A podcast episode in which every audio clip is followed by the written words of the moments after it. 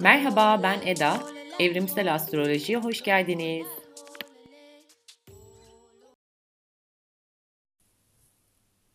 Bu bölüm hakkında um, pek hazırlık yapmadım.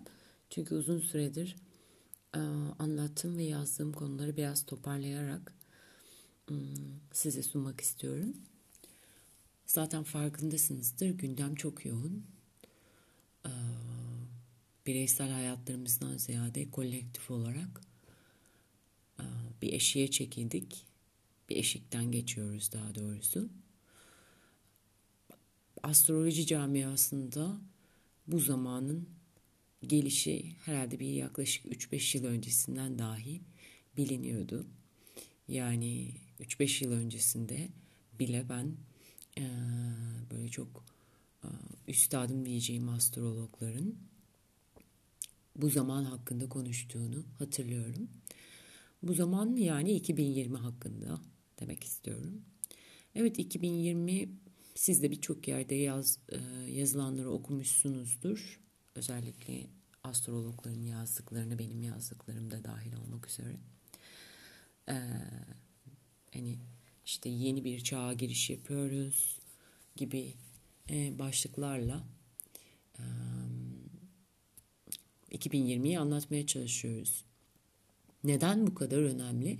Çünkü hmm, ağır hareket eden gezegenlerin birbirleriyle hizalanması tarihte yüzyıllar boyunca gözlemlendiğinde yeryüzünde çok önemli kırılmaların denk geldiğini e, fark ediyoruz. Kırılmalara, değişimlere, dönüşümlere e, denk geliyor. Ağır hareket, eden, ağır hareket eden gezegenler neler? Satürn, Jüpiter, Plüton, Neptün ve Uranüs. 2020'de sahneye çıkan ağır abiler arasında Satürn ve Plüto tabii ki başta olmak üzere Jüpiter de dahil oluyor bu gruba. Aslında 2019'da başladı bu hikaye. 2019'un daha doğrusu şöyle 2018'in sonunda sonuna doğru Satürn'ün Oğlak burcuna girmesiyle Plüto'ya eşlik etmeye başladı. Plüto zaten 2008 yılından beri Oğlak Burcu'nda. O zamandan bu yana tek başına ilerlerken Satürn'ün de Oğlak Burcu'na girişiyle tabii ki de yaklaşık işte 33 yıllık bir döngünün kapanmasına doğru ilerliyorlar. Ama mesele sadece bu değil. Yani 2020'yi ilginç kılan, 2020'yi çığır açıcı, oyun bozucu bir yıl haline dönüştüren sad yani sadece bu olabilirdi. Bu bile yeterli. Satürn ve Plüton'un kavuşması 12 Ocak'ta. Ama aynı zamanda Plüto ve Jüpiter de kavuşacak. Ve yıl sonunda 21 Aralık'ta Jüpiter ve Satürn de yine kavuşum yapıyorlar. Yani üç farklı gezegen hizalanması, nadir görülen üç farklı gezegen hizalanmasını bir yılda deneyimliyoruz. Bu gerçekten e, çok sık görülen bir şey değil yani. E, bilmiyorum tabii ki bir hesaplamasını yapmadım ama e, bin yılda bir görünen bir şey diyebilirim gerçekten. Dolayısıyla e, 2020 ağır bir yıl zaten başlar başlamaz daha giriş girer girmez bunu gerek Avustralya'daki yangınlar vasıtasıyla olsun gerekse de yine tepedeki dangalakların aldığı savaş kararları yüzünden olsun hepimiz farkındayız. Acayip bir yere doğru ilerliyoruz. İşte bu noktada birazcık size açıklık getirmek istiyorum. Hani nedir ne oluyor diye. Başlangıçta 12 Ocak'ta 12 Ocağı gelmeden önce aslında belki bu 10 Ocak'taki tutulmadan biraz bahsedeyim.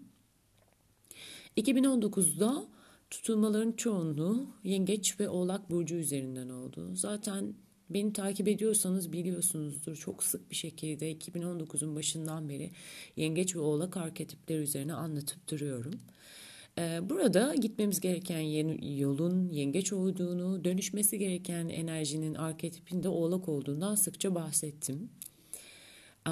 ve evrimsel astrolojide işte yengeç, ana erkil e, kadını, ilahi anneyi anlatırken oğlak, ataerkili, babayı anlatıyor.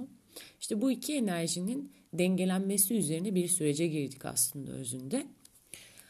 2020'de yine Mayıs ayına kadar pardon Haziran ayına kadar tutulmalar Yengeç ve üzerinden devam edecek. 26 Aralık 2019'da yaşadığımız güneş tutulması Oğlak Burcu'ndaydı. Şimdi hemen arkasından gelen 10 Ocak'taki yengeç tutulması, ay tutulması aslında bu iki tutulma birbirleriyle bağlantılı. Yani biri yeni ay, biri dolunay birbirini takip eden. Geçtiğimiz 26 Aralık'taki tutulma aslında bireysel olarak hayatlarımızda çok böyle baskıcı, baskıcı, zorlayıcı bir enerji yaratmadı. Daha çok küresel çapta etkisini hissettiğimiz bir tutulmaydı. Zaten hemen arkasından gelen İran ve Amerika arasındaki gerginliği gerginlikten anlayabiliriz bunu. İki burç da yengeç de oğlak da öncü burçlardı arkadaşlar ve öncü burçlar ve bu da tutulmaların enerjisiyle enerjisiyle ortaya çıkan değişimlerin hızlı kendini göstereceği anlamına geliyor. Ki dediğim gibi 26 Aralık'taki tutulmanın hemen arkasından İran ve Amerika gerilimi ortaya çıktı. Şimdi 10 Ocak'taki tutulma bireysel olarak da bizlerin üzerimizde etkisini hissedeceğimiz hatta bence hissetmeye başladığımız ağır bir tutulma. Ay gerçekten böyle kuşatma altında kalmış gibi diyebilirim. Gökyüzündeki yoğun oğlak enerjisi e, ki bu yoğun oğlak enerjisi sadece Satürn ve Plüton'un oğlak burcunda olması ile ilgili değil. Jüpiter, Güney Ay Güneş, Merkür, e, Ceres bunların hepsi Oğlak Burcu'nda ve bayağı ayın karşısına geçmiş durumdalar. Dolayısıyla duygusal olarak ağır bir enerji var. E, böyle geçtiğini zannettiğimiz e, yaralarımız çok güçlü bir şekilde tetiklenebilir. Zaten Avustralya yangınıyla hepimizin bir böyle kalbi acıyla açıldı diye düşünüyorum. Ee, ve bu 2020'nin birazcık teması gibi görünüyor. Yani kalp e, çakramız evet açılıyor ama bu böyle daha müsibet diyebileceğimiz e, deneyimler üzerinden açılacak gibi görünüyor. Um, bu tutulmada biraz öyle etkisini gösterdi. Hepimizin yüreği yandı gerçekten. E, dünya üzerinde bir anda yok olan sayıyı hala söylemekte biraz tereddüt ediyorum. Biraz inanamıyorum yani. 500 milyon e, gerçekçi gelmiyor bir yandan. Bir yandan da sanırım hala o şok etkisi altındayım. Belki de altındayız diye düşünüyorum hatta. Evet. Biraz öyle. Hmm, böyle bir tutulma işte. Kalbimiz acıyla, e, müsibetle hmm, kendisini açıyor daha da fazla. O yüzden bu süreçte yani bu 10 Ocak'taki tutumun etkisi başlamışken anne yaralarımız, aileye dair, çocukluğa dair yaralarımız tetiklenebilir. Bunlarla ilgili acımız daha da keskinleşebilir, yüzeye çıkabilir. Aidiyet konusu yine kendisini çok güçlü bir şekilde gösterebilir. O yüzden ben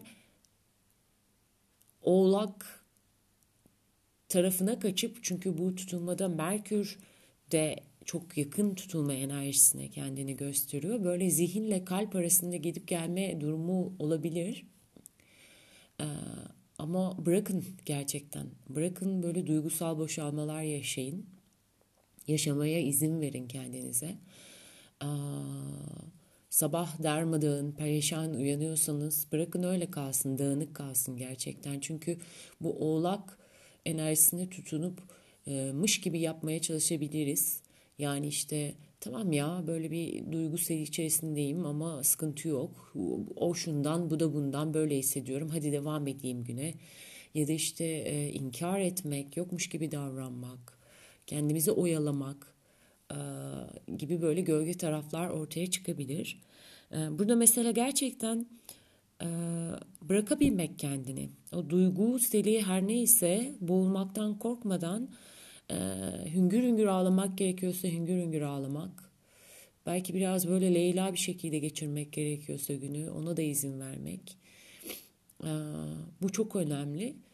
Şeyin farkındayım yani e, genellikle duygularımızın ağırlığından acı bir deneyim olduğu için özellikle hani ağır, üzücü, ko, benim şiddetsiz iletişim eğit, eğitmeni hocam Özgen Sarçılar şey der, rahatsız, konforsuz duygular der. Konforsuz duygulardan vazgeçmeye, kaçmaya daha doğrusu meyil ediyoruz. Ve bir kere şey demişti çok böyle hani kesinlikle etkilendiğim ve içime oturan bir yorumdu aslında konforsuz duygulardan kaçtığımızı sanarken sanırken duyguların hepsinden kaçıyoruz. Yani sistemimiz duyguları ayırt etmiyor. Biz ne kadar bastırırsak e, konforsuz duyguları bastırdığımızı düşünürsek düşünelim. Özünde aslında bütün duyguları bastırıyoruz. Sevinci de bastırıyoruz. E, yaşama, yaşam enerjimizi de bastırıyoruz. Ee, dolayısıyla öyle bir ayırt etme durumu yok. En nihayetinde de donuklaşmaya doğru gidiyoruz. İşte bütün mesele bu aslında. 2019'un başından beri farkındaysanız çok fazla da duyguya yönelik, duyguları anlamaya, duyguları yaşamaya izin vermeye yönelik e, pratikler de çok yoğunlaştı. İşte yin yoga çok daha revaçta, şefkat çalışmaları çok daha revaçta. Anne yaraları mesela ilk anne yarası çemberi açılmıştı e, Filiz Telek sayesinde e, 2019'da. Um, anne ve babayla bağlantılı sadece anne de değil yani aileye yönelik çocukluğa yönelik iç, içsel çocuğa yönelik çalışmaların çok arttığını da görüyorum son bir buçuk iki yıldır.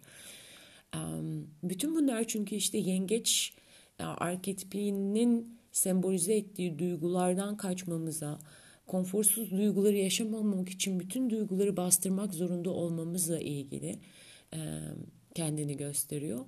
Dolayısıyla bu dolunayda bu ay tutulmasında e, duyguları yaşamaya izin vermek, onların içimizden geçip gitmesine izin vermek çok önemli. Çünkü gerçekten geçip e, geçip gidiyor. Bu hmm, Vipassana meditasyonunda bir vardır mutlaka aranızda yapan 10 günlük e, bir inziva şeklinde yapılan bir meditasyon pratiği. Ben bunu Asya'da katılmıştım ilk defa hayatımda. E, orada e, ne vardı? Bir kelime vardı. Sürekli hatırlatıyordular. Aniçe, Aniçe, Aniçe diye. E, her akşam yapılan bir konuşma esnasında. Aniçe evet ne demek yani geçecek, geçiyor. Hiçbir şey kalıcı değil. Dolayısıyla biraz kendimize bunu hatırlatabilmek bu süreçte önemli. Aniçe. Hiçbir şey kalıcı değil. Her şey değişiyor, dönüşüyor ve geçiyor, gidiyor. Duyguların e, içimizden akıp gitmesine izin verdiğimizde aslında bastırdığımız kadar çok acı çekmiyoruz. O yüzden evet bu dolunay zihin her ne kadar tam tersini söylese de duyguları işte sınıflandırarak, tasnif ederek, e, kökenini bulduğunu zannederek e, kandırabilir bizi.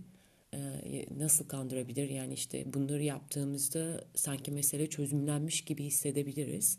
Ha ben işte e, bu sabah böyle uyandım çünkü anne yaram tetiklendi e, gibi mesela. Ama aslında mesele bu değil. Mesele e, sebebi ve kökeni her ne olursa olsun o duygunun içerisinde kalabilmek, konforsuz da olsa e, izin vermek ona, onu deneyimlemeye. Bu süreçte ağlamamız e, gerekiyorsa evet ağlayalım. Belki çıkırarak hatta, belki öfke çıkabilir Bunları, buna illa birisinin şahitlik etmesine de gerek yok. Yani kendi kendimize şahitlik edebilmek de önemli bu noktada. Neler çıkıyor dışarıya? Bağırmak ve böğürmek isteyen ne içeride? Hani bu dolunayı böyle duygusal bir arınma olarak da bu enerjiyi böyle de deneyimleyebiliriz, kullanabiliriz belki de. Gelelim 12 Ocağı. Yani 12 Ocak günü bir şey olacağını düşünmek gerekmiyor arkadaşlar. Yani illa o gün bir şey olacak diye bir şey e, bir kaide yok. Zaten olan oluyor. Olmakta olan gerçekten gerçekleşiyor şu an. 12 e, Ocak sadece zirve noktası olacak bu enerjinin. O kadar. E, Satürn ve Plüton'un kavuşumları tarihte hep şu anlama gelmiş. Yaptığım araştırmalar, okuduğum diğer astrologların görüşlerine baktığımda e, tam anlamıyla bir gücün yeniden dağılımına işaret ediyor e, dünya çapında ve bu kavuşumun gerçekleştiği burç çok önemli tabii ki de. Çünkü o dağılımın, o gücün ne olduğuna dair bize bilgi veriyor. E, burada da tabii ki Oğlak burcunda oluyor bu kavuşum ve işte Oğlak ıı, burcunun sembolize ettiği sınırlar, liderler, otorite, bankalar, para, ıı, yönetim şekilleri, yönetim sistemleri, bütün bunlarla ilgili aslında güçlü bir değişim ve dönüşüm sürecindeyiz. Ama nasıl? Burada iki gezegen var ve iki gezegenin sembolizması üzerinden bu değişim ve dönüşüm gerçekleşiyor. 2008'den beri Plüto aslında yeraltı krali Hades olarak Oğlak burcu ile sembolize edilen bahsettiğim konuların karanlık tarafını görmemize vesile oluyor. Yani Plüto evet değiş dönüşüm gezegeni ama gerçekten yer altına inerek dönüşebileceğimize işaret ediyor. Karanlık karanlığımızla, gölgemizle yüzleşerek, e, inkar etmeden gözünün içine bakarak gerçekleşen bir dönüşüm bu. 2008'de biliyorsunuz Wall Street krizi ortaya çıkmıştı. Yani kapitalizmin bitişinin başlangıcı diye adlandırılmıştı. Ee, işte hmm, bankacılık sisteminin e, kara tarafını, kirli tarafını çok net bir şekilde gördüğümüz bir zamandı. Ee, o zamandan bu yana aslında bu süreç hala devam ediyor. Ve Satürn de işin içine girince Satürn de karmanın efendisi haliyle ne oldu? bugüne kadar ektiklerimizi biçmemiz gereken bir zamana doğru ilerledik 2018'in sonundan beri. 2019'da daha güçlü hissettik ve 2020'de çok daha güçlü hissedeceğiz tabii ki bunu. karmadan kastım işte yine bu oğlak burcuyla, liderlikle, parayla, güçle, otoriteyle ilgili bugüne kadar kolektif olarak neyi realitemize soktuysak neyi gerçekleştirdik ve istediysek onun şu an karşılığını aldığımızda bir süreç içerisindeyiz. Dolayısıyla evet kolay bir süreç değil. Konular yani ağır aslında. Bireysel yaşam, yaşamlarımızda neler yapabiliriz? İşte bu da önemli bir konu. Bireysel yaşamlarımızda oğlak enerjisinin dönüşmesine izin verirken yengeç enerjisinin de hayatımızı daha çok girmesine izin vermemiz önemli. Bu da artık hmm, hani iş ve para odaklı olmaktan daha insani değerlere doğru bir geçişi gerektiriyor. Aa, sorumluluk almayı gerektiriyor. Duygusal sorumluluk ve eylemlerimizin sorumluluğunu almamız gereken e, bir eşikteyiz. Almasak ne olur? İşte bu şu an gerçekleşen e, konular üzerinden, olaylar üzerinden daha doğrusu almasak ne olur? Net görüyoruz aslında. Almadığımız için, bu sorumluluğu almadığımız için zaten şu an hani yüreğimiz yanıyor dediğim noktadayız. E, bu bir böyle gelmiş böyle gidecek süreci de değil. Yani kesinlikle bir değişim var. Bundan kaçış yok. Bu değişimin neresinde yer almak istiyoruz? İşte soru bence bu. O yüzden de e, yaşamlarımızda evet daha insani değerlere odaklanarak ilerlerken yapmamız gerekenin de hani artık e, yapılmış olması gerekiyor e, diyebilirim. Yani ne demek bu? İçinde bulunduğumuz krizler neler? Bir küresel iklim krizi var. Bir de e, liderler, tepemizdekilerin e, bizim aslında bir yansımamız olduğu gerçeğini kabul etmemiz gereken bir nokta var.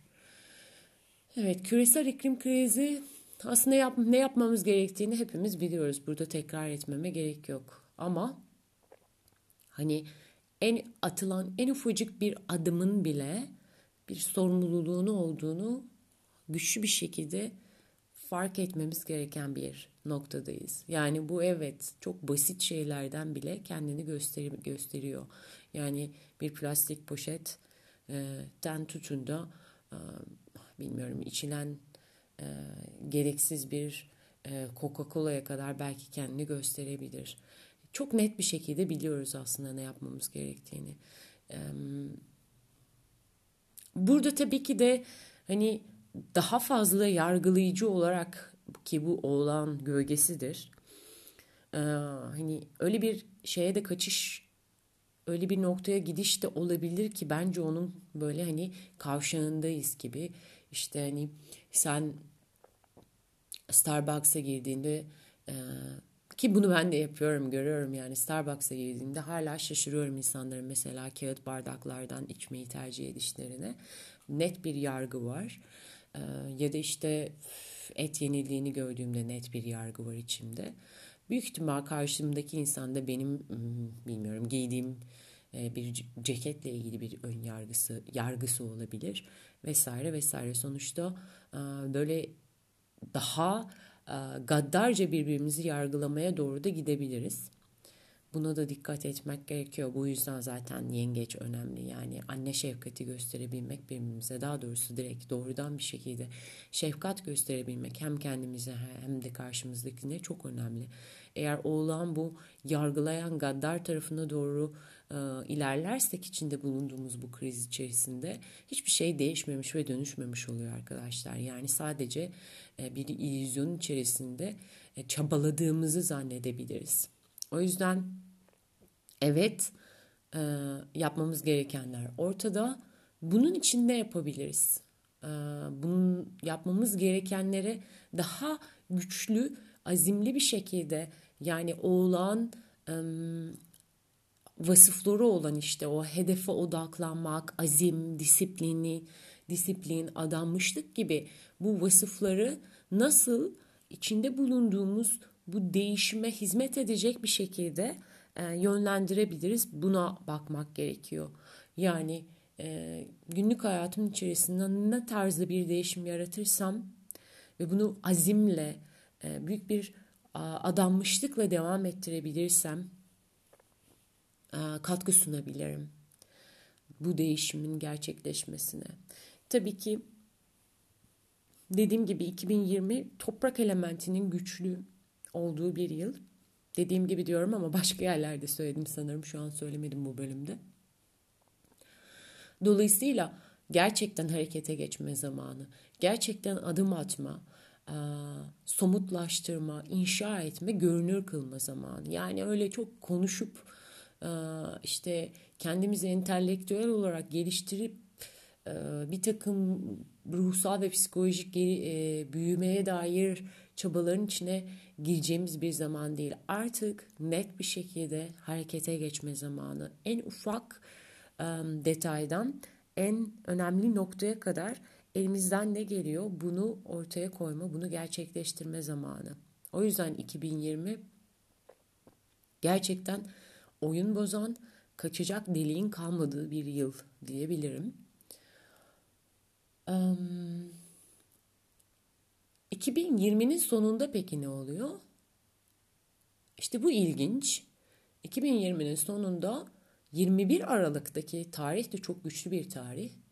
Zaman e, Satürn ve Jüpiter Kova burcunda kavuşum yapıyorlar.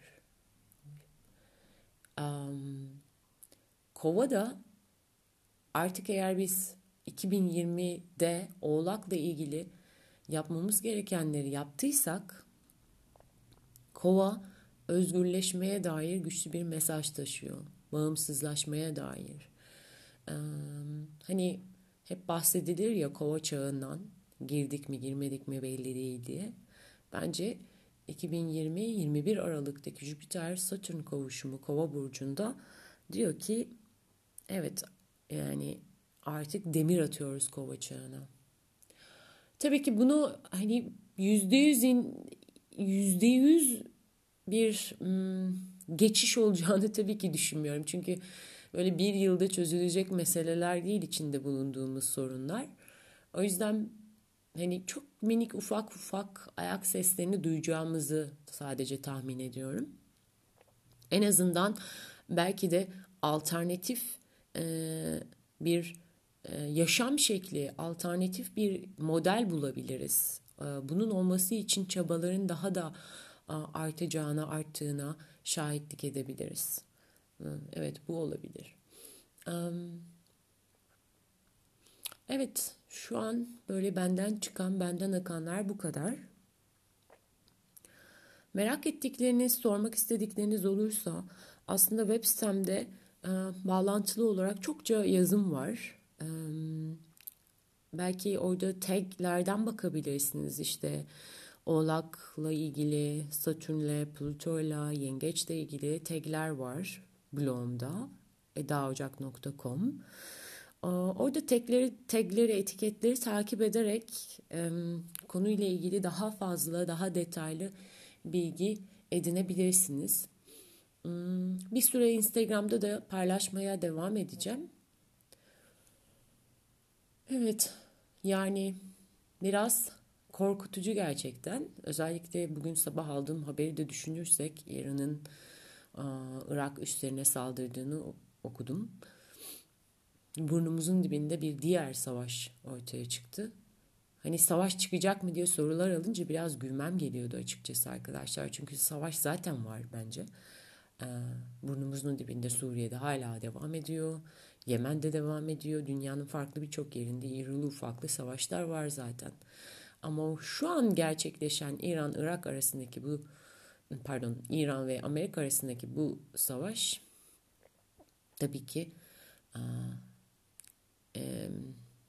bir başka seviyeye taşıyor.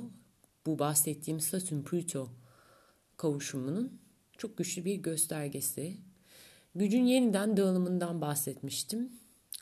İnşallah gücün yeniden dağılımı böyle ülkeler ya da bir takım liderler üzerinden gerçekleşmez de gücün kavramı tamamen değişir.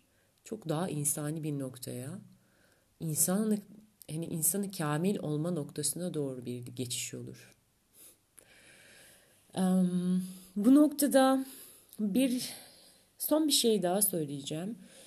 Ben odağımızı nereye yönlendirirsek oraya güç kattığımızı çok kalpten inanıyorum. O yüzden belki 12 Ocak günü böyle gününüzün bir kısmını oturup gözlerinizi kapatıp vizyon çalışmaları yapmaya ayırabilirsiniz. Nasıl bir dünya istiyorsunuz? Nasıl bir dünya istiyoruz? Bunun böyle gözümüzün önünde canlandırarak bolca dua ve niyetle o güne özel bir seremoni, bir meditasyon, belki toplu meditasyonlar yapabilirsiniz arkadaş grupları içerisinde. Evet, soru bu. Nasıl bir dünya istiyoruz? Kimler tarafından yönetilmek değil ama lider demek. Yönetilmek kelimesi bile çok hoşuma gitmiyor. Ama nasıl bir lider görmek istiyoruz? Ve o, gör, o liderde görmek istediğimiz nitelikleri kendimizde nasıl geliştirebiliriz? Bu sorularla böyle hemhal olarak yapacağınız çalışmalar 12 Ocak'ta bence kolektifin e, vizyonuna katkı sunar gibime geliyor. Um, evet dinlediğiniz için teşekkürler. Hoşçakalın.